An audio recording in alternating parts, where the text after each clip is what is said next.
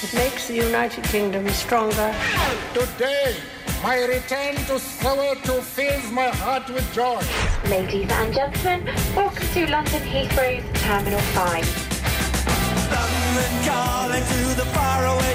Bon dia, John Carlin. Bon día, Roger Escapa. Què tal? No fa Setmana Santa, tu no marxes? Eh, no, estoy aquí en Barcelona, pero mira, amanezco en esta ciudad tan bonita, tan pacífica, tan primaveral y, leo las noticias eh, que Rusia ahora amenaza con consecuencias imprevisibles si Occidente sigue dando armas a Ucrania y pienso tan bonito todo aquí en la primavera, pero hay nubes negras en el horizonte y lo que pienso esta mañana mientras leo estas cosas, esto es lo último, las últimas amenazas de Moscú, es que tenemos a un Al Capone o alguien que es como, no sé, un choker de Batman sin pintura al mando de el arsenal de misiles nucleares más grande del mundo y es una situación profundamente alarmante. Mm.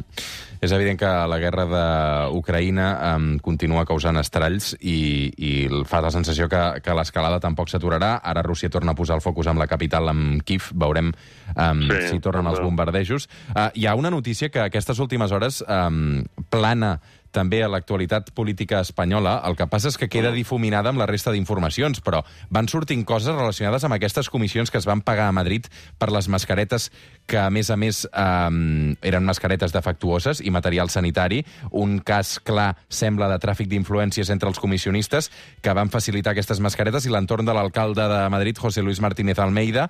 Um, hi va haver molta gent que es va aprofitar de la situació d'emergència de pandèmia. John, i mica en mica, tota la informació que anem coneixent al voltant d'aquest nou cas de corrupció que esquitxa de ple al, al PP um, és fins on arriba aquesta taca, no? Sí, pero no, no, no debería ser una sorpresa. En situaciones así de, de, de- de tragedias, de catástrofes, siempre hay seres humanos que se aprovechan de la situación para, para forrarse. Em, yo ya lo sospechaba, creo que tenemos que sospechar todos. Cuando empezó la pandemia, que de repente aparecen todas estas mascarillas y estos guantes de, de plástico y estos desinfectantes, yo creo que todos sospechábamos en algún rincón de nuestra cabeza que había gente aquí que se estaba se estaba forrando y, y- y no solo ha ocurrido en, en Madrid, seguro que eh, ha, ha habido casos parecidos en el resto de España que estarán, aquí en Cataluña, que estarán por destapar. Ha habido casos que se han denunciado, incluso creo de más eh, dimensión, en Italia. Incluso, y para, y para los que piensan que solo somos aquí los mediterráneos, los corruptos, pues en Alemania también un par de diputados de parlamentarios tuvieron que dimitir por, por tráfico de influencias, estaban ahí actuando a favor de determinada gente que estaba vendiendo mascaretas a precios muy altos. Em, esto lamentablemente siempre hay un porcentaje de la humanidad absolutamente amoral que se aprovecha de la situación que, que, que sea, incluso una, algo tan, tan terrible, tan duro como la pandemia, para eh, hacerse rico. Mm. Aquí sempre diem que en altres països europeus els polítics pleguen de seguida que hi ha una mínima ombra de corrupció sobre ells. Això és veritat o, o és una fantasia que ens intentem creure des de Catalunya?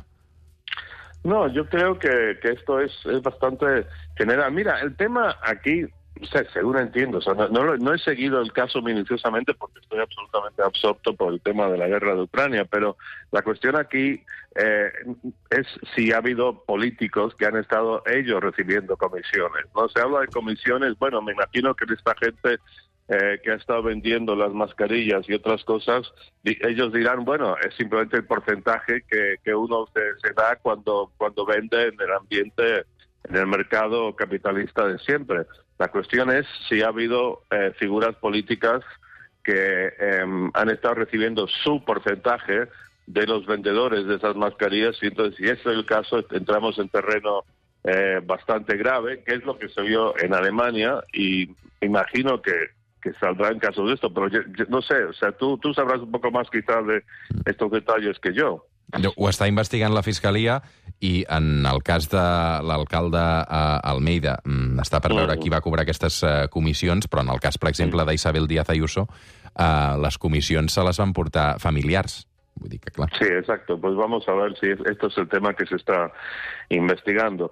Pero mira, es que, como, como digo, en situaciones estas de, de, catástrofe, de enorme sufrimiento, siempre hay gente que, que, que, se beneficia. Por ejemplo, en la Primera Guerra Mundial, en la Segunda Guerra Mundial, contrabandistas por, por todas partes. En, en la propia Inglaterra, durante la guerra, había gente que, no sé, traficaba en, en, en bananas, eh, que era un producto difícil de acceso, o en eh, medias de seda para, para mujeres.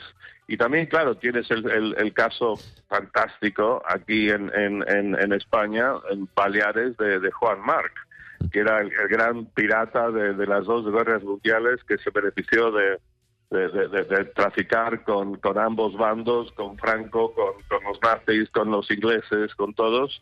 Eh, y el hecho de que una persona como Juan Marc es visto como una especie de figura eh, digna de, honor y admirar, porque tiene su fundación, Juan Marc, o sea, es tremendo, es como tener la fundación Al Capone en Estados Unidos.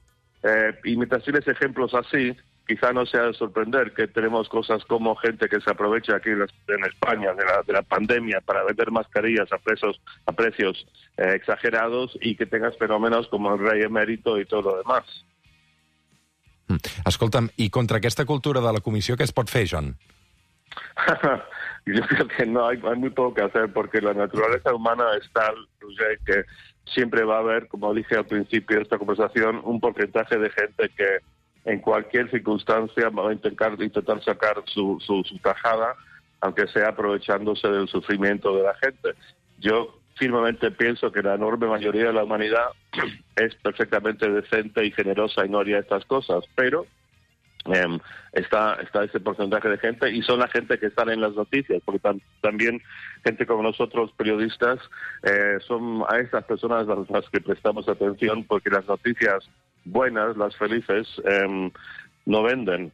Y, y, quizá tenemos una impresión demasiado negativa de lo que son los seres humanos como consecuencia de estas cosas, pero ¿qué hacer? Me preguntas. Pues mira, el peso de la ley, pero, pero y también no glorificar a ciertas personas que, que han sido responsables de crímenes parecidos a lo largo de la historia.